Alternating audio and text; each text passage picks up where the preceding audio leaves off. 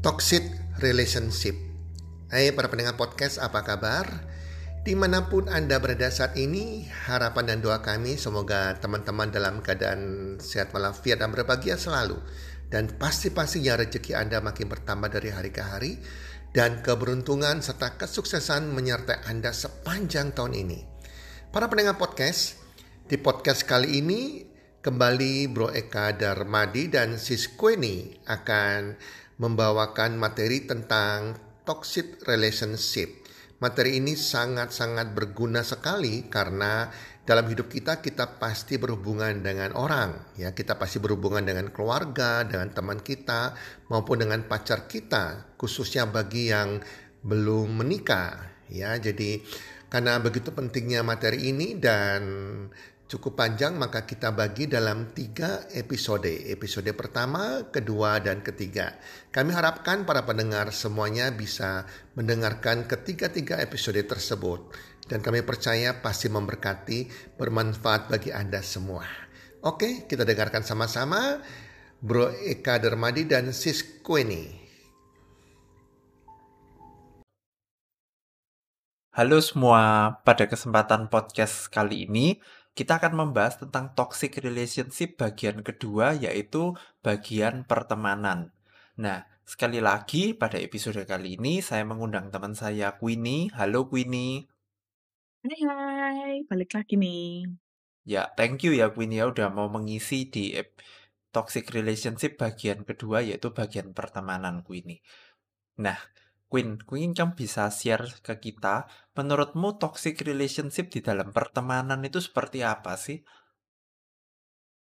Jadi gini, kalau toxic relationship dalam pertemanan ini sebenarnya uh, aku pengen narik balik yang dari family. Jadi setiap orang yang toxic di lingkungan kita itu pasti nggak mungkin tiba-tiba jadi toxic, gitu.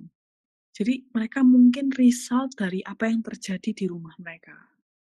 Tapi toxic di masalah pertemanan ini juga bisa dilihat dari value yang mereka pegang, yang terlihatnya benar, keren, atau baik, tapi sebenarnya nggak baik buat jiwa kita. Jadi di teman itu bisa ada dua hal itu ya. Jadi bukan sekedar, karakter, tapi ini mencakup lifestyle, cara pandang, dan value yang mau kita anut gitu dan jadi toksik kalau nggak sesuai gitu loh. Oh nah kalau menurutku ini ya tentang healthy relationship di dalam pertemanan itu harusnya kayak gimana ini? Di mana kita bisa menjadi posisi orang yang selalu improve. Jadi misalnya gini kita di lingkungan teman yang mendukung kita untuk menjadi lebih baik dan membantu kita sembuh dari luka kita yang terjadi di rumah kita. Tapi juga bisa juga healthy relationship di posisi di mana kita berada di posisi teman-teman yang punya value, cara pandang, dan lifestyle yang baik, yang membawa kita menjadi manusia yang lebih baik gitu. Oh, nah itu kan idealnya ya kalau misalnya kita itu punya pertemanan yang baik. Nah, tapi kalau misalnya di sini ya, mungkin ada pendengar yang lingkungannya itu kebanyakan orang-orang yang negatif atau dia merasa dia nggak punya lingkungan positif yang bisa mensupport dia. Nah, kalau kondisinya kayak gitu itu gimana ya, Queen ya? Sebenarnya kan gini, ini kan bukan family ya. Kalau family kan kita nggak bisa lari tuh. Yes. Kabur dari rumah bukan solusi, like I said. Tapi ada saatnya kalau memang kita perlu mandiri, kita boleh keluar dari rumah. Tapi kan kita tidak akan pernah bisa lari dari keluarga kita. Tapi kalau relationship, pertemanan, itu biasanya karena batin kita. Kita merasa kita senang dengan mereka, kita mau berteman dengan mereka, meskipun toksik, kita tetap di stay. Jadi kan tadi kan Eka bilang, gimana tipsnya untuk keluar? Keluar itu adalah, kamu harus mengambil keputusan bahwa meskipun ini terlihat indah, kamu harus keluar. Karena kamu kamu mau situasi yang lebih baik dong, gitu loh. Dan kalau masalah pertemanan, kamu keluar tuh nggak kelihatan lebih enak loh.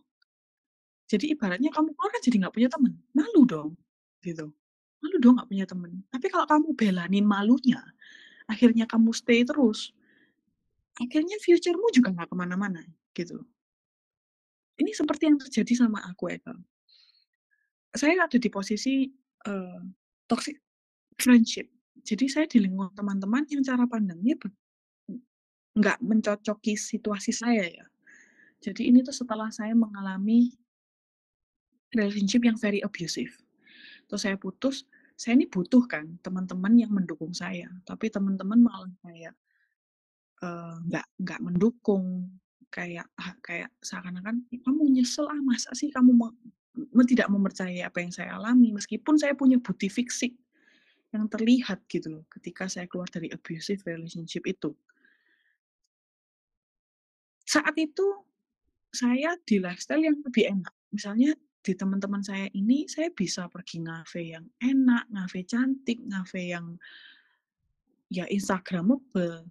Terus saya juga bisa kerja sama teman saya kayak bareng-bareng juga jualan makanan yang enak, yang kerjaannya jalan.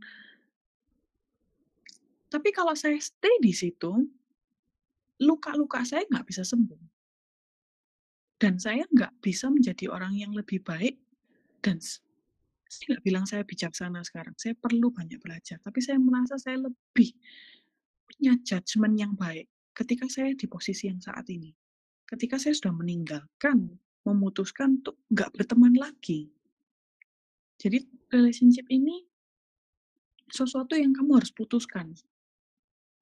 Kamu yang memutuskan, karena ini teman. Dan kamu akan menemukan teman yang lain. Ibarat gini, lebih baik kamu sendiri daripada kamu mempunyai teman mau 1000 atau kamu bilang, "Keep your circle small." Terus kamu punya teman cuma 10 tok, tapi 10 tok toksik, lho kayak apa? Mendingan kamu sendiri, tapi kamu bisa mencari teman lagi. Di dunia ini tuh, di Indonesia aja ada 2 juta orang. Masa sih nggak akan ada lingkungan yang sehat buat kamu, untuk kamu membuat teman yang baru? Ya memang menyakitkan. Saat saya itu ya saya menangis sering, saya menangisi teman saya, saya bilang saya nggak mau jauh, saya nggak mau meninggalkan mereka, saya senang temenan sama mereka. Tapi kalau saya stay menjadi sesuatu yang toksik buat saya, gitu loh. Nah, kalau buat Queenie nih, sebetulnya pertemanan, ya toh, pertemanan yang toksik itu tanda-tandanya itu kayak gimana sih? Yang toksik tuh saya kalau saya dari saya tuh, yang saya alami itu satu ada berbagai macam, kayak competition. Jadi kalau saya sama teman saya itu, saya kayak harus compete gitu loh. "Oh kamu apa?" Bis apa kayak constantly have to compete with each other. "Lu jodohnya siapa? Lu dapatnya kayak gimana? Oh, dia punya apa?" Gitu. Nanti kalau kamu udah dapet yang oke nih, yang mungkin kaya, terpandang, dan lain-lain, nempel semua tuh teman-teman. Tapi kalau kamu udah dapetnya yang nggak oke, menurut mereka loh ya kayak ngacir. Itu udah toksik. Kenapa kok semua tuh harus menjadi sebuah competition? Itu udah toksik. Tanda yang kedua, eee KTK. Tanda yang kedua, kotik bentar ya, tak Tanda Satu kan tadi compete kan, berarti yang kedua ini ketika lingkungan itu punya value yang salah. Di posisi yang saya pernah alami itu adalah ketika value-nya itu uang sama gaya hidup. Ya nggak salah, gitu. Apalagi di Instagram yang seakan-akan menuntut kita untuk tampil. Sosial media itu meminta kita untuk tampil, gitu. Terus akhirnya segala sesuatu tuh dinilai dari apa yang bisa kita tampilkan. Otomatis yang bisa kita tampilkan, penampilan kan berarti buying toh, consuming. Akhirnya kembali ke financial dan uang itu kan. Dan itu kalau menjadi sesuatu yang toksik buat kita, yang kita harus nyesel. Memaksakan diri di dalam posisi itu, itu udah toksik buat kita. Tapi di posisi saya seakan-akan yang kayak abusive relationship tadi, kalau saya kalau saya ini lebih kayak gini, kalau financial tuh seperti ini. Ketika orang itu nyakitin saya dan kebetulan orang itu pencitraannya baik di Instagram, terus ada duitnya, seakan-akan apa yang dia lakukan ke saya tuh kayak hal yang kecil. Gitu. Tapi kalau misalnya saya melakukan kesalahan, saya harus sampai minta maaf minta maaf gitu. Itu toh. Lah teman macam apa itu gitu maksudnya. Loh, terus kan ketawa kayak gini, mungkin Eka ketawa kayak data temen gitu. Dan di luar sana ketika eee, teman kita itu kayak merasa dia menguntungkan banyak ke kamu. Terus akhirnya dia melakukan sesuatu kecurangan kepadamu, tapi kayak kamu harus telan itu mentah-mentah karena posisinya dia merasa dia di atasmu. Lah itu ngapain dipertahankan? Seperti saya dulu pernah ngomong di masalah buta cinta, yang lebih kaya aja ada yang bisa menghargai kamu. Karena gitu, di atas langit selalu ada langit. Di atasnya dia pasti ada yang lebih kaya, atau di atas dia ada yang lebih begini. Semua tuh udah ada lebihnya. Tapi kan nggak ada habisnya kalau comparison seperti itu. Jadi kalau ada yang toxic di bagian ini, dia itu udah value-nya salah, kita nggak perlu keep lama-lama gitu loh. Meskipun nih dengan orang tuh kayak gini, bisa dapet, for example, fame, or aku orang kayak eksis aja. Dulu saya selalu berpikir bahwa seru ya. Saya nggak bilang asik, maksudnya saya kayak aku pengen eksis loh, aku pengen jadi sosialita. Enggak loh, saya bahkan tidak berpikir saya hanya berpikir bahwa aduh seru ya kalau eksis itu kayak aduh bisa ke sini nanti hari Minggu ke sini, hari Sabtu ke sini, terus nanti kita kumpul-kumpul apa, senang banget ketemu orang. Aku sangat suka banget ketemu orang. Tapi setelah dicerna-cerna dari pertemuan pertemuan yang nggak membangun aku gitu yang yang membuat aku merasa so small gitu. Nah kalau kayak gitu, kenapa kita harus teruskan? Gitu. Contoh Oh. toksik iya, contoh toksik yang selanjutnya ini kan tadi kan 2 kan, selanjutnya 3 nih. Di mana kita punya pertemanan kayak kita tuh yang papuk bawang. Kayak kita tuh yang kayak misalnya nih, lucu, dia bilang kita "Kamu tuh kok cuman butuh-butuhan sama kita?" Padahal pada kenyataannya, orang itu butuh-butuhan sama kita. Mungkin waktu di masa SMA, kita yang nyetirin, kita yang nganterin, kita yang jemput. Terus lucunya cerita, kayak tanya, "Cerita apa cerita apa?" Ini mungkin buat anak-anak SMP atau SMA yang mendengarkan gitu. "Cerita apa cerita apa?" "Enggak nggak apa-apa, kamu nggak ngerti kan kamu nggak pakai." Jadi baik loh, "Kamu nggak pakai, ya kita kamu nggak kira ngerti lah kita ngomong apa." Terus kita selalu di-exclude dari dari conversation. Dengan alasan kayak, "Ya kita nggak seru aja ngomong sama kamu, kamu nggak ngerti apa-apa atau apa." Loh, kalau sudah nggak seimbang, kita ngapain dipertahankan? Mereka bukan lebih baik daripada kita. Ya cuman nggak cocok aja. Tapi seakan-akan kita sampai merasa bahwa kita lebih bawah daripada mereka. Sampai kita merasa diri kita tuh lebih rendah daripada mereka. Kumpulnya ke self image. Kalau kumpulnya ke self image, bagaimana kita bisa percaya diri ketika kita melakukan sesuatu? Kita mau berkarya. Jadi nggak pede kan, gitu loh. Akhirnya toksiknya ke sana. Mmm, nah So, jadi gimana ini agar apa, relationship di dalam pertemanan itu apa ya, biar kayak nggak toksik atau yang se sekarang toksik itu apa bisa diperbaiki ya, Queen, ya? Misalnya nih, kita andai kata nih, eee, kita sebelum kan kita nih kalau toxic relationship yang parah nih kita keluar kan, kita harus keluar, kita selamatkan diri. Kita harus bereskan, udah nggak apa-apa, udah kamu nggak usah beratin tuh temen gitu loh. Kamu keluar aja, tapi yang penting kamu in the better state, gitu loh. Tapi kalau diperbaikin kayak gini, dalam posisi yang seperti ini, misalnya kita punya temen yang very supportive with us. Jadi, saya punya sister, mungkin Eka punya brother, brother yang kayak, "Oh bro, ada apa-apa kamu cari dia, aku juga ada apa-apa cari dia," gitu, cari si cewek ini gitu. Tiba-tiba cewek ini jadi toxic. Kita tidak tahu apa yang terjadi di hidupnya dia, tapi ada sesuatu yang mengubah dia, yang menyakiti dia. Yang akhirnya jadi dia jadi toxic, jadi punya pemikiran yang super salah. Ini yang terjadi dengan saya dengan teman baik saya. Saya punya teman baik yang tinggal di luar negeri. Tapi kebetulan dia memang orang sana, bukan orang Indonesia bukan orang Indonesia yang tinggal sana. Dia mengalami patah hati.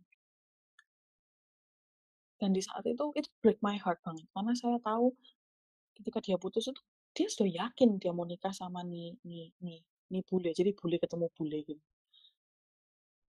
Terus dia situ jadi toxic, dia langsung jadi super duper minder, super duper merasa kayak aku bisa percaya lagi sama si cowok.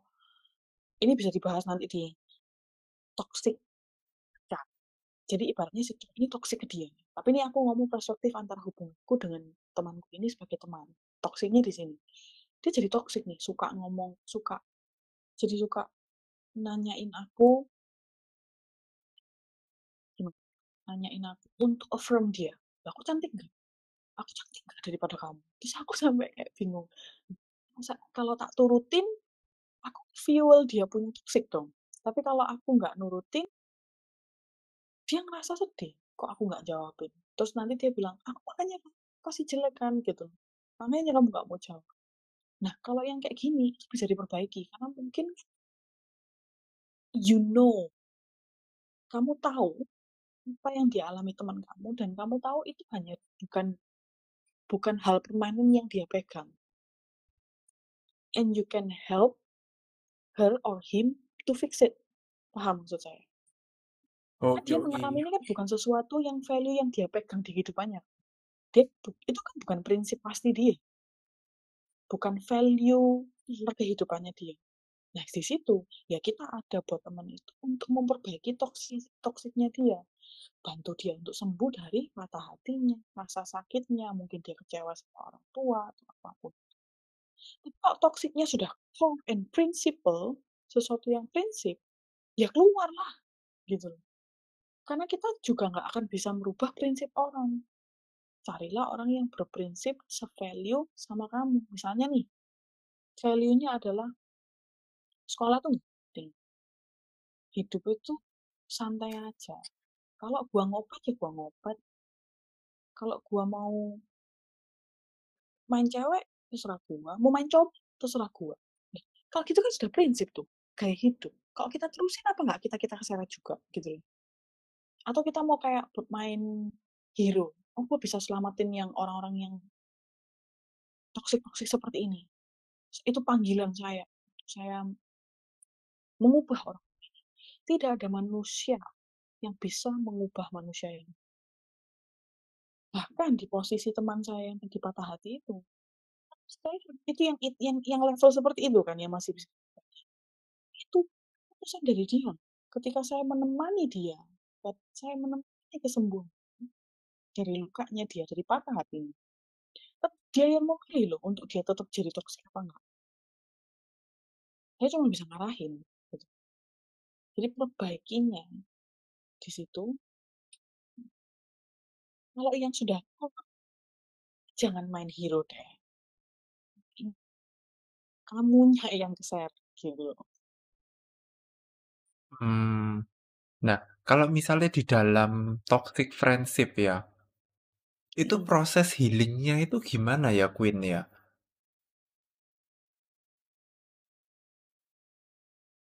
Gini, kalau saya dengan teman saya ini, proses healingnya tuh bisa dilakukan bersama-sama. Kamu bisa menemani teman itu, teman itu untuk sembuh. Healingnya kayak gitu. Kamu menyemangati dia, kamu being supportive, assure her that everything gonna be okay, bisa. Tapi kalau proses healingnya ketika kamu keluar dari toxic relationship yang udah merusak gambar hidup dirimu, misalnya gini, kamu punya temen tapi gini, aku nggak tahu ya ini bisa terjadi. Jadi kumpulan satu kumpulan cewek-cewek ya. Cewek-cewek ini mungkin berlima. Tapi empat ini toksik ke yang satu. Kayak jago geeran ya jadi orang. Kamu tuh gue eran kalau. Padahal yang satu ini ya kak, tiap kali dikejar cowok, terus dia cerita sama yang empat, empat tuh dipercaya. Ah, ini saya kamu senengin. Kayak Apple sih. Healingnya di mana? Terus kamu minta mereka yang healing kamu, mereka pelakunya. Ya lebih baik kamu cari perkumpulan yang baru, kamu healing di situ, kamu healing di temenmu itu. Yang lebih bisa percaya kamu, lebih bisa kamu punya situasi dan membawa kamu ke arah yang benar. Nah, tapi kalau misalnya umpama kamu healing di tempat yang sama, yang menjadi sumber luka,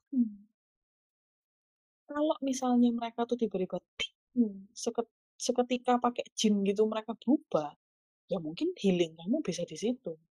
Tapi kan tidak ideal ti kenyataannya tidak seperti itu. Kebanyakan kayak kita kan gini ini juga ada hubungannya dengan bullying di dalam grup pertemananmu. Ada loh yang kayak udah dibully-bully sama temennya tapi nggak kerasa. Jadi akhirnya dia tumbuh dengan mindset yang salah. Terus dia merasa dia bisa disembuhkan di lingkungan yang sama. Nggak bisa sembuh.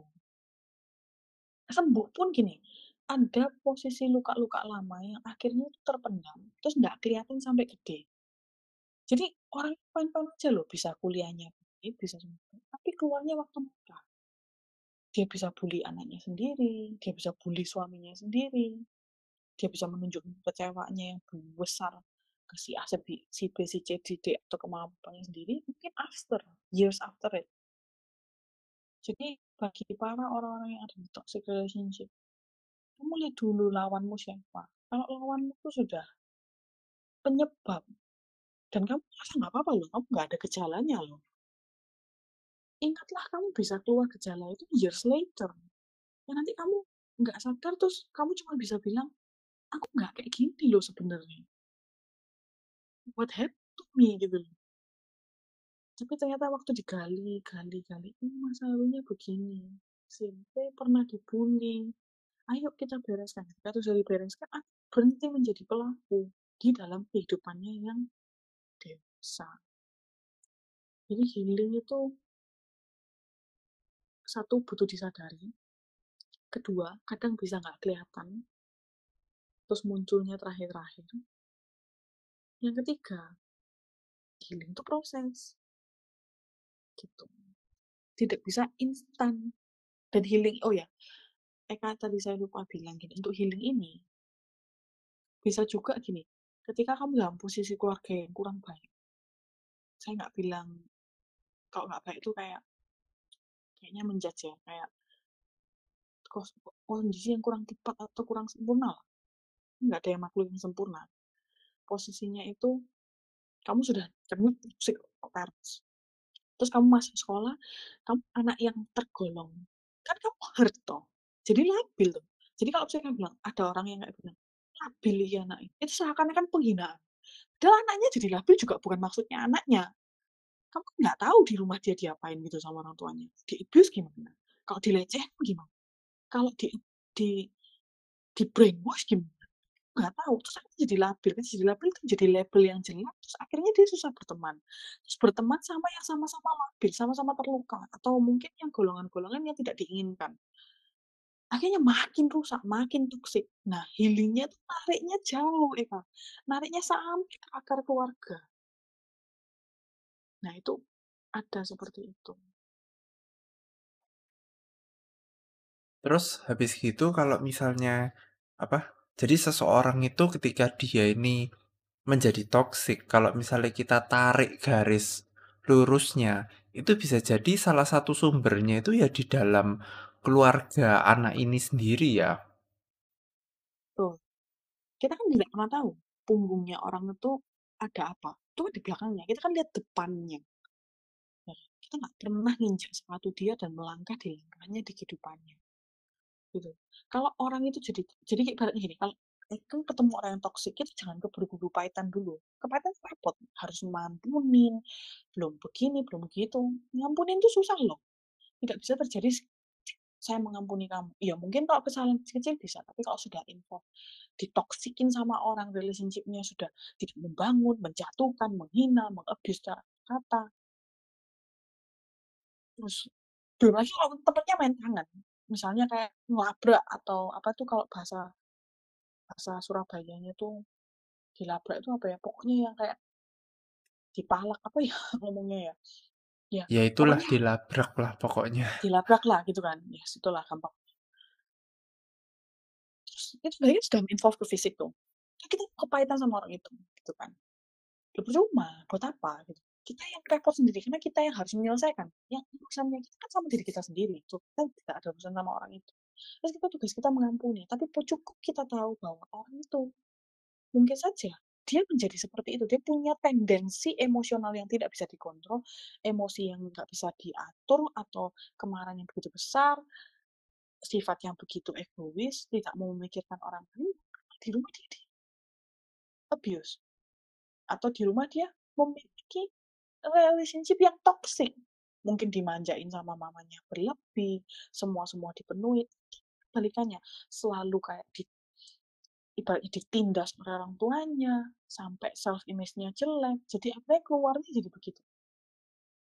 Jadi tarik garisnya memang seperti itu. Tapi tarik garis ini untuk kita yang ibaratnya kalau posisinya kita tuh korbannya dia, kita harus berpikir, oke, okay, dia punya toksiknya sendiri di keluarganya, makanya dia toksik, makanya tugasku mengampuni. Tapi buat orang yang kalau ditarik garis sampai keluarganya toksik, ya beres dulu ibarat gini, ini yang saya perlu cerita. Dalam proses kesembuhan saya, dari toxic relationship saya, saya banyak mengecewakan orang. Dalam proses kesembuhan saya, kan saya meninggalkan teman-teman saya yang toxic. Teman-teman itu kan secara tidak langsung dalam kutip bukan tidak menginginkan, menginginkan saya. Enggak, kalau nggak ada saya nggak ada yang toxic ini. Saya mengecewakan orang. Dan mungkin Ketika saya sembuh, saya juga tidak menyadari bahwa saya punya tendensi sifat yang toksik, mengambil keputusan. Sepihak, terus mengentengkan cerita orang, atau mungkin saya saya sendiri bisa jadi pelaku lah intinya kan gitu. Ketika saya mengecewakan banyak orang itu, terus saya masa mau duel di situ, aduh kecewain, aduh daripada mau nggak berubah aja, enggak, jangan gitu proses itu dijalani. Jadi bagi orang yang ditarik keluar ke keluarganya untuk dibereskan, udah nggak apa-apa, kamu nggak usah peduli dengan kamu ngecewain berapa ribu orang. Yang penting kamu tarik garis dulu, fondasimu diambruk dulu. Fondasimu itu kan nggak mau kalau fondasimu jerami. Yang kayak kamu takut ngecewain orang, kalau kamu takut ngecewain orang tuh kamu toksik loh ke dirimu sendiri. Kamu takut ngecewain orang, jadi akhirnya kamu diam di tempat udah aku gini aja orang juga nggak ada yang tahu kok kalau aku ini korban dari toxic. Padahal nanti jadi toxic ke orang jadi pelaku. Dia tariknya itu jauh ke belakang. Itu dibereskan di jalan. Proses kesembuhan itu tidak mudah. Saya juga pernah ada cerita orang yang butuh keuangan jadi dia tuh butuh uang. Kalau dia minta tolong sama saya gampangnya kan kayak minta uang langsung. Misalnya gini kamu bingung nggak ada yang mau bantu saya. Terus saya hero saya bayari itu orang. Itu tak bayari lah wis. Saya punya uangnya tapi setelah saya pikir-pikir loh kayak gitu dia nggak belajar membereskan sampai ke akar-akarnya sampai dia punya masalah dalam keuangan. Akhirnya saya nggak bantuin. Menurut dia saya ngecewain. Tapi kok dilihat dari jauh dari akarnya saya membantu prosesnya dia untuk menyadari bahwa segala sesuatu itu butuh usaha gitu. Oh, wow. Oke. Nah, jadi kita ini sudah banyak belajar ya, Queen ya, dari tentang bagaimana menghindari toxic relationship, terutama di dalam pertemanan ya. Nah, setelah ini, di episode kita yang berikutnya, kita akan membahas tentang toxic relationship di dalam hubungan berpacaran. Jadi teman-teman stay tune di dalam channel kita ya, karena sebentar lagi di episode selanjutnya kita akan membahas tentang toxic relationship di dalam hubungan pacaran atau percintaan. Oke, thank you teman-teman.